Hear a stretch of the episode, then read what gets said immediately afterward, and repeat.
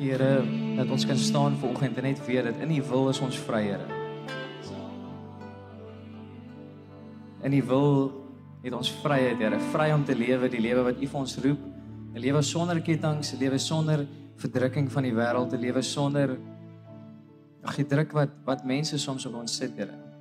En ek vra dat U vryheid tasbaar sal wees in in hierdie gebou volgende Here, dat ons sal ervaar dat U vir ons vrymaak, dat U vir ons sê stap uit onder die verdrukking, stap uit onder die kettinge. Dit is gebreek. Dit is oorwin.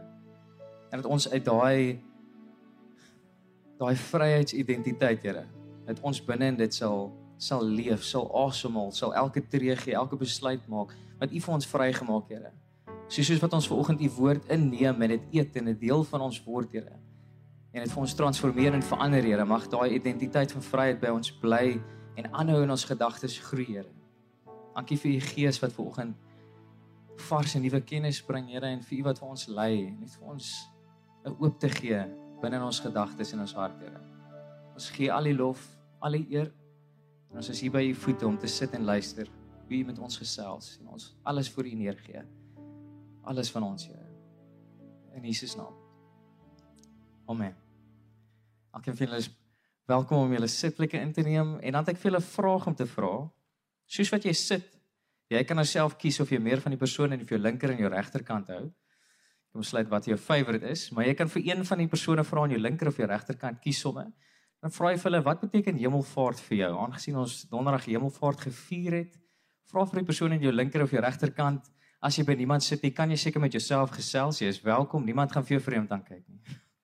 So vra dalk vir jou persoon aan die linker en die regterkant, wat beteken hemelvaart en en kyk wat hulle vir jou wat hulle vir jou sê, wat hulle vir jou antwoord. So ons het donderdag hemelvaart gevier. En Piet het met ons 'n amazing boodskap gedeel van ons wat basies soos back to the future is. Ek weet nie wie van julle by opstek van Anna het al back to the back to the future gekyk nie. As hy ons het 'n paar paar fans hierso so ons lewe nie net hier en nou, maar ons is ook toekoms gedrewe, toekoms gedagtes. Dis hemelvaart. En hemelvaart hoe spesiaal dit mag wees vra soms vir ons vra wat wat impliseer dit vir ons? Maar kom ons verfris ons ons gedagtes en ons lees saam ons lees saam in Lukas 24 en ons verfris bietjie ons gedagtes die toneel van hemelvaart. Lukas 24 lees ons hom uit en ons lees hom vanaf vers 45 so kom ons verfris ons gedagtes wat het presies gebeur en en sketsie prentjie bietjie net om ons te herinner aan donderdag en en en hemelvaart. So Lukas 24 in die in die Afrikaans 83 sê die volgende vanaf vers 45. Dit sê toe open hy hulle verstand om die skrif te verstaan. Verder sê hy vir hulle so staan daar geskrywe die Christus moet ly op die aarde die derde dag uit die dood opstaan en in sy naam moet bekering en vergifnis van sondes aan al die nasies verkondig word van Jerusalem af en verder En ek sal 'n gawe wat my Vader beloof het vir julle stuur, maar julle moet in die stad bly totdat julle my krag van bo toegerus is. Vanaf vers 50 sê dit daarna het hy hulle uit die stad gelei tot by Betanië. Daar het hy sy hande opgehef en hulle geseën en terwyl hy hulle seën, het hy van hulle af weggegaan. En is hy in die hemel opgeneem. Hulle het hom aanbid en met groot blydskap na Jerusalem toe teruggegaan. En daar het hulle die hele tyd by die tempel gebly en God geprys. Nou, elkeen van ons is welkom om die hele tyd hier by hierdie tempel te bly. Dit is maandag tot sonderdag oop. Jy is welkom om hier te slaap. Daar's 'n bed as jy wil. maar die vraag is wat beteken Hemelvader? Die vraag is nou wat nou? Met alle respek gesê. Jy sien want ek kan net in die gedagtes inlees van van die disippels. Hulle volg vir Jesus vir 3 jaar lank sien ongelooflike wonderwerke, sien ongelooflike werke wat Jesus doen wat hulle gedink het nooit sal moontlik wees nie. En op die klimaks van die storie, op die klimaks van hulle lewe saam met Jesus, alhoewel hulle op die storie besef hy is die seun van God verlosser van sondes, op hierdie klimaks vaar Jesus weg hemel toe. Ons kry die prentjie, hy's weg. En hy sê hy gaan 'n hy gaan 'n helper stuur, maar nog steeds is die vraag Nou wat nou? Ons was op 'n rol, soos mense sal sê. Ons is soos aan die brand. Ons is aan die gang. Die disippels net net gedink seker, ja, ons het nou net net hierdie ding gevang. Ons verstaan nou net net hoe dit werk en wat aangaan. En die vraag wat ons ook seker vra dalk is nou wat nou? Is daar iets nuuts? En eintlik volg saam met my, eintlik in my opinie en ek hoop julle volg saam, is daar niks nuuts nie. Jy weet sien nou Jesus hemel toe vaar, is daar nie 'n nuwe openbaring wat kom nie. Daar's nie 'n nuwe lering nie. Daar's nie 'n 'n nuwe evangelie wat kom nie. Selfs die Heilige Gees wat kom wat Jesus sê hy sal sy helper stuur gee vir ons krag om om te getuig van wat reeds gebeur het. Dit sê in in Johannes sê dit die Heilige Gees herinner ons aan wat Jesus reeds gesê het. So volgens skrif, jy weet na hemelvaart is daar nie iets nuuts, 'n nuwe lering, 'n nuwe Bybel, 'n Bybel gedeelte 2 wat uitkom nie. So die vraag is nou wat nou? Nou het Jesus opgevaar.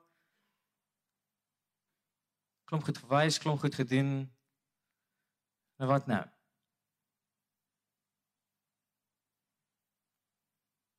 Nou wat nou?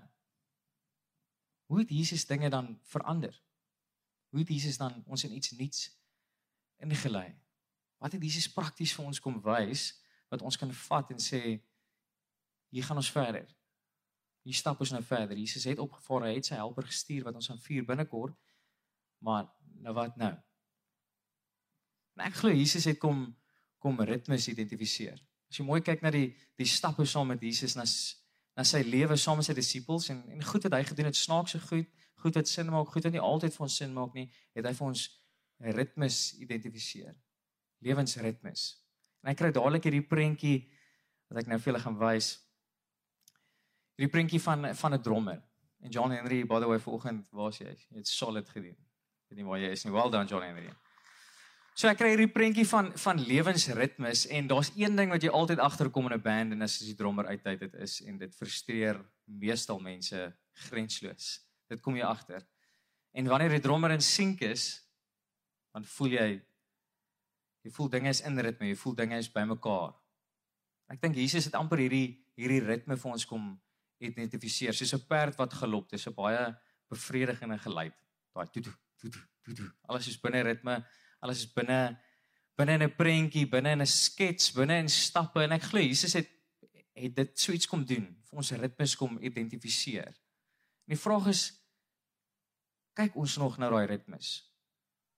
Want dit kom nie outomaties nie.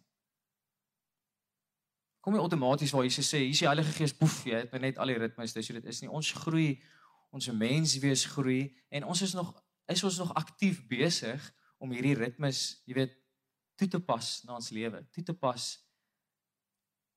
om na die beeld van God te lewe, toe te pas om in God se ritme te lewe, hierdie lewensritmes. En die eerste ritme wat wat ek gelees is vir ons identifiseer ons baie in die evangelies. Ek gaan volgende by 3 stil staan en ek gaan baie by hierdie een stil staan want ek voel dit is iets wat ons in ons tyd baie op moet moet klem lê is die, is die ritme van van rus. Ritme van rus. En rus is nie om niks te doen nie.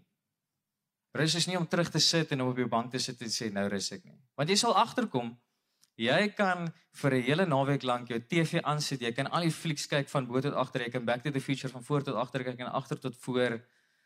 En as jy na die naweek klaar maak en jy begin weer by maandag dan voel jy jy's nie uitgerus nie. Jy weet, maak nie saak hoe op jy hoe baie op die bank sit, maak nie saak hoe baie Simba pakke chips jy oopmaak, maak nie saak wat jy doen en jy sit stil, nê? Ja, ek Ek sê nie met dit ons liggaam het nie nodig om te rus nie, maar ek praat van 'n ander tipe rus. Jy gaan agterkom, maak nie saak hoe baie jy niks doen, jy voel nie uitgerus nie. Jou jou gees, jou siel, daar's iets wat wat mis. En dit is 'n ware ritme van van rus. Wat is wat is 'n ritme van rus? Ons lees dit oral in in die Markus Evangelie. Daar's so min of meer 8 keer dat ek gaan seker maak, maar ek gaan 4 volgende identifiseer waar Jesus hierdie ritme van rus wys. Waar hy gereeld hy gaan doen iets en dan onttrek hy. En dan gaan doen hy iets en dan staan hy terug en dan analiseer hy. En ek dink die disippels begin dit na 'n tyd optel. Hierdie ritme van res van ek's besig met iets en dan trek ek aan doen ek iets spesifiek. Om daai in die begin het ek gesê die ritme van rus beteken nie om niks te doen nie. Beteken nie om jou bank agteroor te sit hier. Dis juis eintlik om iets spesifiek te doen. Ons sien dit heel eerstens sien ons uh Jesus wat gaan en en en en Petrus se skoonma gaan genees. En dan hier in die middel, dan sê dit in Markus, hy onttrek homself en hy gaan na 'n stil plek toe en dan weer na dit genees hy die melaatse man en skare en hy verkondig die evangelie. En 'n interessante ding hoe Markus skryf is hy skryf in hierdie toebroodjie metode. Jy sien, 'n toebroodjie lyk so in geval my toebroodjie dalk dieselfde lyk as jou nie, gaan ek net my toebroodjie verduidelik. Hy begin met die broodjie. Sesco. Breinbrood met saadjies in. En dan in die middel is daar nou jou vleisie of jou blaarslaatjie of wat ook al jy nou in die middel sit. Dis jou middel, jou topping, soos hulle sal sê. En aan die einde het jy dan nou weer jou broodjie. As jy nou baie fancy wil voel, dan eet jy sommer die broodjie net met die toppings en sonder die snytjies brood, maar vir hierdie illustrasie, dis die broodjie. Ons het 'n snytjie brood Ons het 'n toppings en dan het ons weer 'n snytjie brood. En dis hoe Markus skryf. Gaan let op as jy die evangelie lees. Hy praat oor iets. In hierdie geval 'n genesing. Petrus se skoonma. En dan noem hy iets in die middel. In hierdie geval iets in die middel is is Jesus wat onttrek en hy gaan na 'n stil plek toe. En hy gaan bid. En aan aan aan die einde, net soos die broodjie begin van die broodjie is mos nou die snytjie brood, noem hy weer presies dieselfde ding. En in hierdie geval doen Jesus weer genesings. En hy jaag bose geeste uit. Dan kyk hoe Markus geskryf is. En eintlik wat Markus probeer sê is die bokant en die onderkant van die broodjie sal nie moontlik wees as die middel nie daar is nie, want ek weet nie van julle nie, maar ek het nog nooit iemand gesien en ervaar wat net twee troe broodjies met mekaar sit sonder 'n topping en sê, "Hm, dis nou baie lekker nie." Jy weet dalk eet jy dit soms so, niks vir hom nie, maar die lekkerste broodjie is waar jy jou jou, jou Nutella of jou bovrol, wat jy sit dit in die middel en jy smeer hom so so lekker dik. En dis wat Markus doen. Hy sê, hoorie so, vir die bokant en die onderkant van die broodjie om sin te maak, moet die middel daar wees. Begin dit sin maak. So Markus skryf en hy sê eerstens die ritme van rus is is vir Jesus om te kan, jy weet, preek die evangelie, bose geeste uit te jaag, Petrus skoonma te genees, klomp hierdie wonderwerke, is daar hierdie onttrekking waar Jesus gaan gaan bid. En ek het al die skrifte daar gesit. Ek gaan nie nou wenig hulle lees nou nie. Ritme van rus, onttrek. Ritme van rus. Onttrek. 'n Tweede voorbeeld waar waar Jesus onttrek is voor hy die 12 apostels kies en dit staan in Markus 3 vers 13. Dit staan dat hy gaan onttrek eers en hy bid en dan kies hy die 12 apostels. Markus 3:13. So voor Jesus bedien, voor hy iets aktief doen, bedien hy uit 'n plek van volheid. Tweedens voor hy keuses maak, onttrek hy. Gaan raak hy stil. Derdens Net na Johannes se dood, Johannes die Doper. Ons lees daarvan ook in Markus, in ander evangelies ook. Hy's 'n goeie vriend van Jesus. En hy sien net mooi doodgemaak nie, nie dat daar so iets soos soos mooi doodgemaak nie, maar hy somme sy kop is afgekap. Jesus is ook mens en hy ervaar ook emosies. Dis hartseer. Dis so wat net voor hierdie skrif gebeur. En ook in die oomblik net voor dit het Jesus twee twee sy disippels uitgestuur. Net met skoene en 'n kleed en 'n stapstok. Niks rugsak nie, niks kos nie en niks ekstra klere nie. Gaan hulle vir 'n dag uit en hulle bedien en hulle bedien en hulle bedien. En nou Jesus hoor die die nuus van van Johannes die Doper wat oorlede is en ook na hy sy disippels uitgestuur het, wat is sy eerste reaksie? Sy eerste reaksie na dit is om te onttrek, om te gaan rus. Ons lees wel later daar skare te mekaar kom en hy hy kon dit nie doen nie, maar ons lees dat sy eerste reaksie was. Hy wou het hy wou onttrek het. Hy wou met sy disippels ergens heen gegaan het.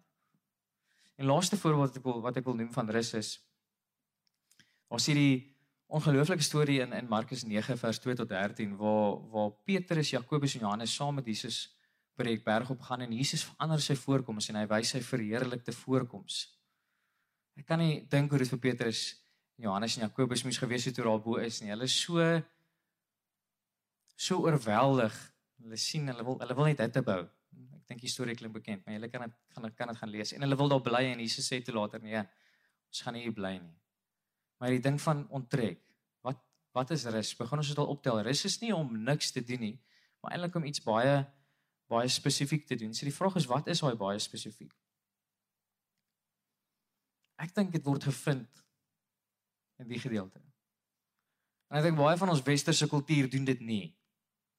Ons is nie gewoond aan stil word nie. Ons is nie gewoond aan God wat ons Piet gebruik altyd die mooi beskrywing wat God ons bebid nie. Ons is nie gewoond daaraan nie. Ons is gewoond aan praat en sê en en uiter en iets doen. Maar iets baie belangrik van rus.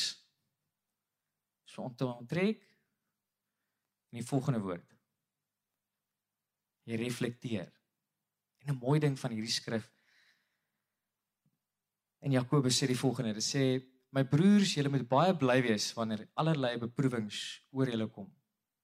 Wees bly wanneer beproewings oor julle kom. Wat beteken dit? Hierdie woord vir beproewings, die Griekse woord daar agter is presies dieselfde woord as 'n silversmid wat besig is om silwer te te suiwer.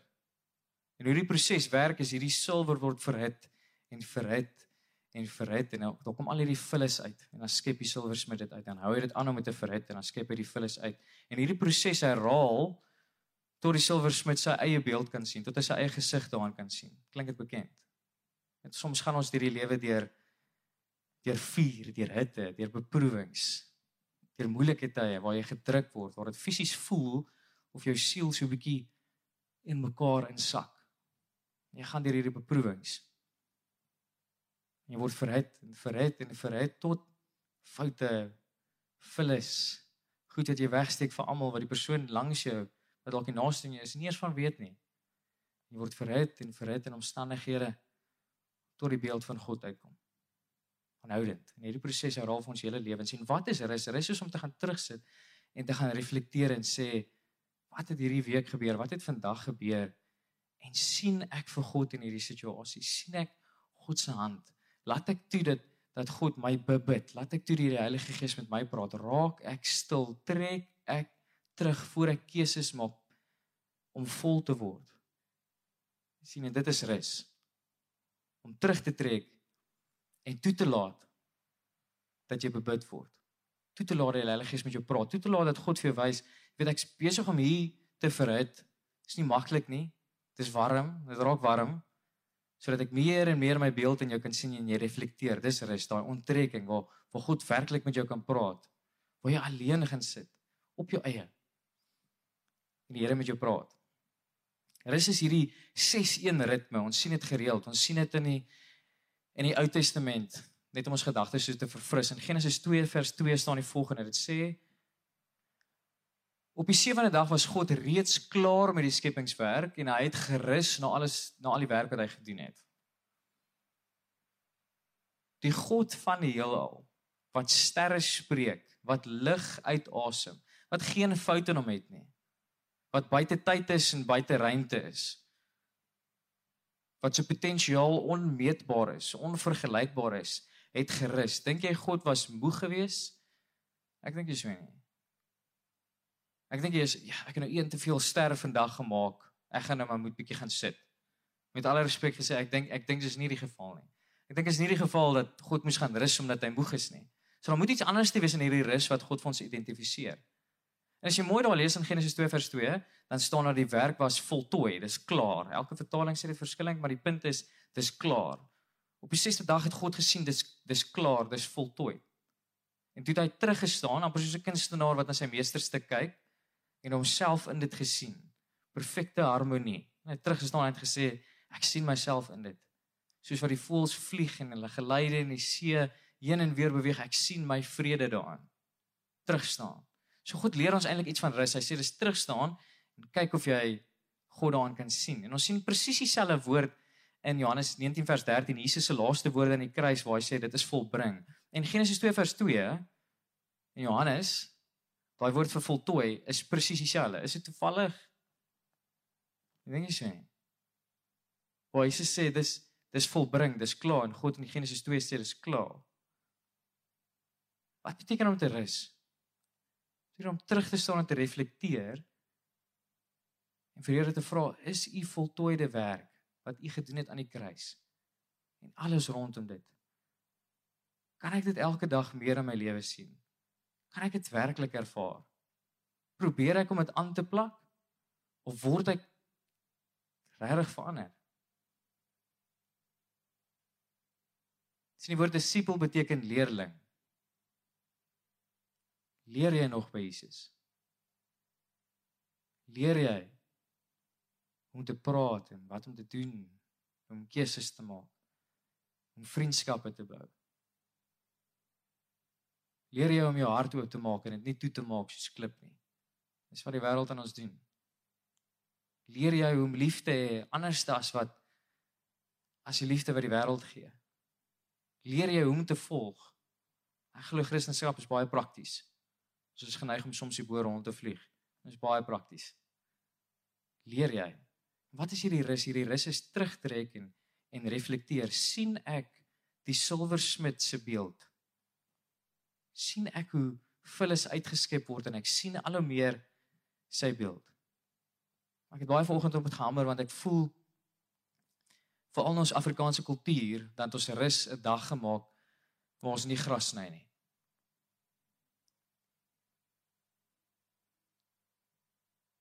Waar ons nie werk toe gaan nie. Ek dink is ek dink is goed om om terug te staan van jou daaglikse take, maar ek dink dit is presies wat Jesus bedoel het toe hy sê rus nie. Ons sien juist vir Jesus eintlik werk op die Sabbatdag waar die Fariseërs hom aanvat. Wat doen jy? So is rus nie om take te doen nie. Ja, seker is 0.1%. Is rus terugtrek en en laat die Heilige Gees jou bebid en kyk of jy die beeld sien uitkom. Ek dink so ja. Rus ons westerse kultuur in daai manier is baie taakgedrewe. Ek moet hierdie doen, ek moet hierdie sê, ek moet hierdie mense beïndruk. Dit is ons moeilik om terug te staan en te mediteer, want sien mediteer is nie 'n oosterse woord nie. Dis 'n Psalm 1 woord. Ja, dankie. Psalm 1. Dit sê Dawid sê ek mediteer op die woord dag en nag. Dit het niks te doen met Boeddha en sy beeldjies en hy kan maar sy eie manier hê. Maar mediteer is waar jy terug staan en en waar God jou bebid. Sê. Roan kyk hierso. Jy's 'n bietjie ongeduldig daar, jy moet pas op hoe jy werk met mense. Toe daar die hele met ons gesels. Dit dis die eerste ritme wat wat Jesus identifiseer. Hy onttrek gereeld en en die Heilige Gees praat met hom. Die tweede ritme is is 'n identiteitsritme. Identiteitsritme. En ek sien hierdie prentjie daarby. Baie bekende prentjie. Jy sien dit baie op sosiale media oral in die ronde waar dit hierdie water is wat stroom en Jesus steek sy hand uit om ons op te tel en outomaties wat ons dink ons dink aan Petrus wat op die water loop. Maar ek dink vanoggend aan iets anderste. Ek dink aan die gevaar om jou identiteit in iets of iemand te vind. Ek dink in baie keer ons val om onsself te baseer op iets of iemand se opinie in plaas van God se, in plaas van God se woorde. Dis wat ek kan dink. En hoe God hierdie ritme het om ons gereeld op te help en sê moenie jou identiteit in dit vind nie. Moenie die manier hoe jy dink en praat en doen in dit vind nie. Hierdie ritme.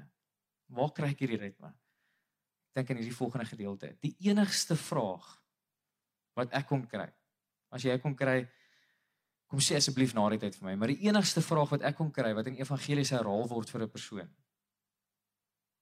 is aan Petrus en hy sê volg my sê Jesus vir hom. Dis die enigste vraag wat ooit herhaal word aan een persoon in die evangelies volgens my. Volg my. En die eerste keer waar Jesus dit sê is waar is waar Petrus geroep word in Matteus 4. En lank in die kort van die storie besig op die vissersbote en Jesus sê volg my. Dis die eerste keer waar Jesus dit sê. En dan later wat ek nie hierso op die skerm het nie word dit later weer gevind in Johannes 21 vers 19 waar Jesus vir vir Petrus vra het jy my lief? Het jy my lief? Hy herhaal dit 3 keer en na dit kom die vraag pop dit net so op. Volg my. Ek het dit soveel keer al misgelees en hierdie patroon herhaal volg my wat beteken dit Hoekom sê Jesus volg my? Was hy besig om ergens in te stap? Ja, die Bybel sê so, maar ek dink dit is iets meer as net om by 'n volgende plek uit te kom. Ek dink dit het iets te doen met vind ek myself in Jesus. Hierdie Matteus 4 toneel, as jy dit sou wil noem, is een van die mooiste vir my in die hele Bybel. En dis waar Jesus sy eerste disippels roep, onder andere Petrus. En hy roep en hy sê volg my en en wat hulle moet agterlos sê nie spesifiek so by Petrus nie, maar dit sê by die volgende twee disippels is hulle moet hulle werk agterlos, vissermanne. Hulle moet hulle net agterlos. Hulle moet hulle pa agterlos. Jy sien in die in die Bybelse tye was jou pa jou ID dokument gewees, jou ID dokument. Jy was nie Roan Olivier 9707, ek gaan nie die res van my ID sê nie. Maar jy was nie daai gewees nie, jy was Roan seun van Jacques, dis hoe mense jou geken het. Roan, die visserman seun van Jacques. Dit was jou titel gewees. Jou pa was jou ID dokument dat mense weet waar jy vandaan kom. Jy sien dit oor die hele Bybel, sien jy dit hoe jy identifiseer word deur jou pa, dat mense weet wie jy is. So hierdie identiteitsritme waar Jesus die vraag twee keer aan Petrus herhaal in die begin en die einde, is waarin vind jy jou identiteit? Is jy bereid om jou pa agter te los? Is jy bereid om jou jou identiteit daar waar jy vind in die wêreld, in jou werk, in jou talente, in jou vriende.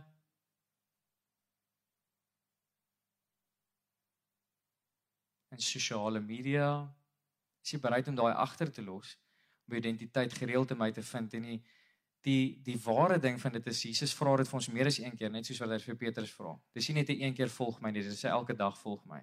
Want as jy's nie 'n disipel, ons het net die woord disipel gebruik, op grond van wat jy gister gedoen het, maar op grond van wat jy vandag doen. Disipel beteken leerling en dis nie op grond van wat jy noodwendig net gister geleer het nie, maar ook wat weet jy wat jy vandag leer, hoe jy vandag vir Jesus volg. Identiteitsritme. Hulle het ook hulle nette agtergelos. Wat is jou net? Dit is jou sekuriteit vir Petrus om te kon visse vang, moes hy sy nette agterlos. Dit was sy sekuriteit. Ek het 'n werk, ek kan 'n inkomste verdien. Is jy bereid om jou veiligheid in God te vind?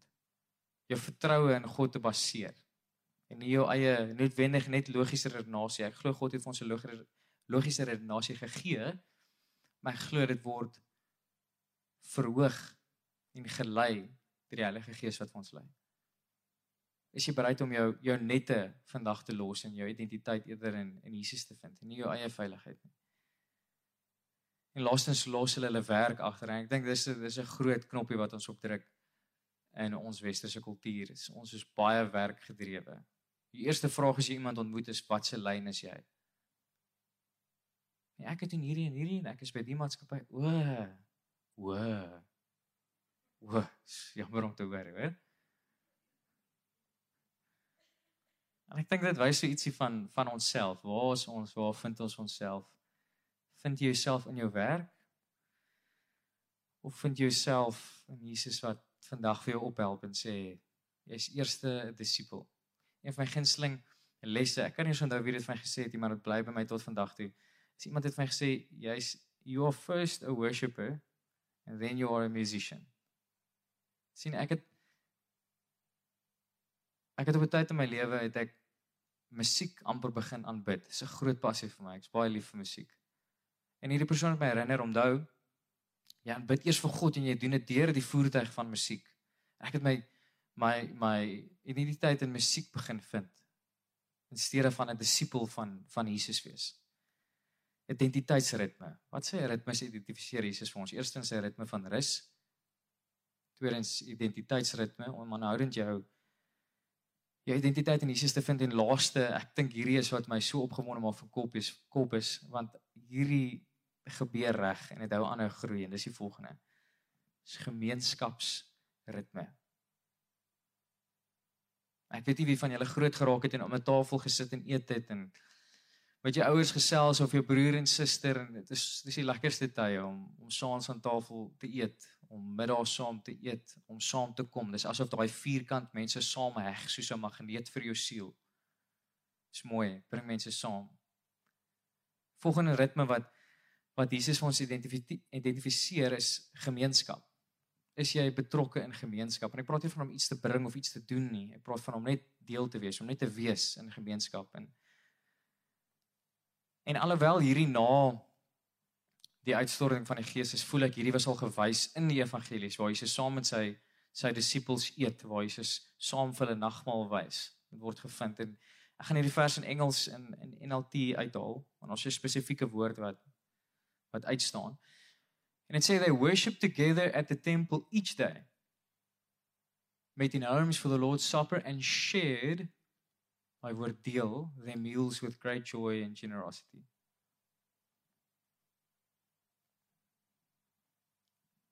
Die mooiste ding van daai woord deel, shared om te deel. As jy kyk na die Griekse wortel beteken dit changed after being with. Sien Jesus het gemeenskap so design dat as ons vanoggend saamkom en jy stap weg, moet jy amper so 'n kunsmerk op jou hê. Die kunststuk wat jy is moet verder geverf word, verander word. Gevorm word, gelei word. As dit sê hulle het gedeel, die disippels het mekaar gedeel, was dit nie net kos nie. Hulle het lewens met mekaar gedeel en dit het hulle verander want Jesus was teenwoordig in dit. Dis nie net deel soos, "O, oh, ek gee gou vir jou 'n broodjie of ek gee vir hierdie of ek gee vir jou dit nie." Dit is jy's verander na hierdie deel. So eintlik die manier hoe hoe God kerk in plek gestel het, is wanneer ons bymekaar kom en jy gaan dan weg, dan moet jy anders wees. Ietsie van jou moet anders wees. En wanneer jy in, in klein groepe bymekaar kom, wanneer jy gesels, wanneer jy een tot een gesprekke, iets moet moet anders wees daai ritme. Is jy in daai ritme? Voel jy as jy as jy sonoggend nou hiernatoe kom, jy jy connect met mense. Probeer jy om gesprekke aan te knoop, probeer jy om vriende te bou wat saam Jesus volg. En ek vermy die woord kerkvriende, ek hou nie van daai woord nie. Ek wil nie net jou kerkvriend wees nie, ek wil jou regte vriend wees. Moenie my net groet as ons hier by die kerk aankom nie. Ek wil daar 'n Pick n Pay vir jou aan die ander kant skree. We like it. regte vriende. En sien Jesus is teenwoordig in vriendskappe. Vriende wat mekaar opbou, gemeenskap. Die kerk is nie gemaak om 'n plek te wees waar daar net geleer word van vooraf nie, maar daar word geleer word na kante toe. Jy het iets om te deel. Jy het iets wat jy nodig het om te ontvang. En dit moet jou verander. So ek gaan dieselfde vraag vra. Nou wat nou? Jesus het het opgevaar hemel toe En ek dink dis iets groot wat hy agtergelos het. Die Heilige Gees gaan ons nog vier in Pinkster, maar die Heilige Gees gee vir ons krag om te getuig van wat reeds gebeur het. En herinner ons van wat Jesus gesê het, maar hy's nie 'n nuwe openbaring nie. Sien Jesus het klaar die openbaring vir ons gebring in die evangelie, die Heilige Gees help ons om dit uit te lewe. Nou wat nou? Leef jy in die ritmes wat Jesus wys? Wat Jesus amper soos 'n klokslag uitgelewe het in die evangeliese ritme van rus. 'n ritme van gemeenskap.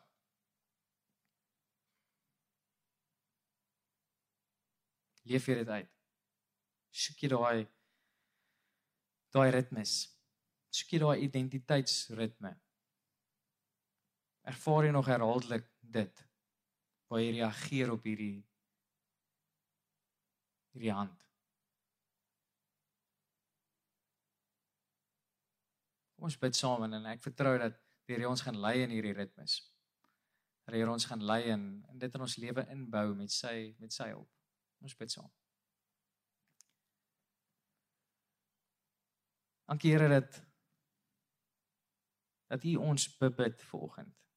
Dat U met ons gesels. Dat U vir ons lei in die woord op baie praktiese maniere op 'n ritmes wat vir ons 'n gesonde liggaam, siel en gees gee. Dankie dat ons kan rus vind in U. Ons kan ons identiteit vind in U. Ons kan gemeenskap vind hier. Dankie vir daai ritmes, Here, daai klokslag soos 'n tik op 'n horlosie. So kom jy en lei ons in in ritmes wat ons lewe verander. Dat U vir ons gewys het, Here. Dat U dit self uitgeoefen het en self vir ons gelei het en nie net 'n handboek gegee het en sê figure dit self uit nie maar dat U vir ons met U lewe gewys het en die en die evangelies vir ons gegee het, die Bybel vir ons gegee het om om hierdie ritmes in geanker te word en U vir ons lei in dit dat dit ons verander en ons groei en ons lei Here. En dankie dat ons vanoggend Kopes Christi kan saamkom en sê ons hoor, ons sê ja. En ons gaan hierdie week ingaan en vandag ingaan en die notas wat ons gevat het ingaan en die preek weer kyk ingaan om meer en meer van die woord te implementeer, Here, want u woord bring lewe en u woord verander. Dankie Here dat U die veranderingswerk doen en ons die oorgee werk doen. En dankie dat U in elkeen se gedagtes en elkeen se harte lei en vorm. Ons is dankbaar vir Here. In Jesus naam. Amen.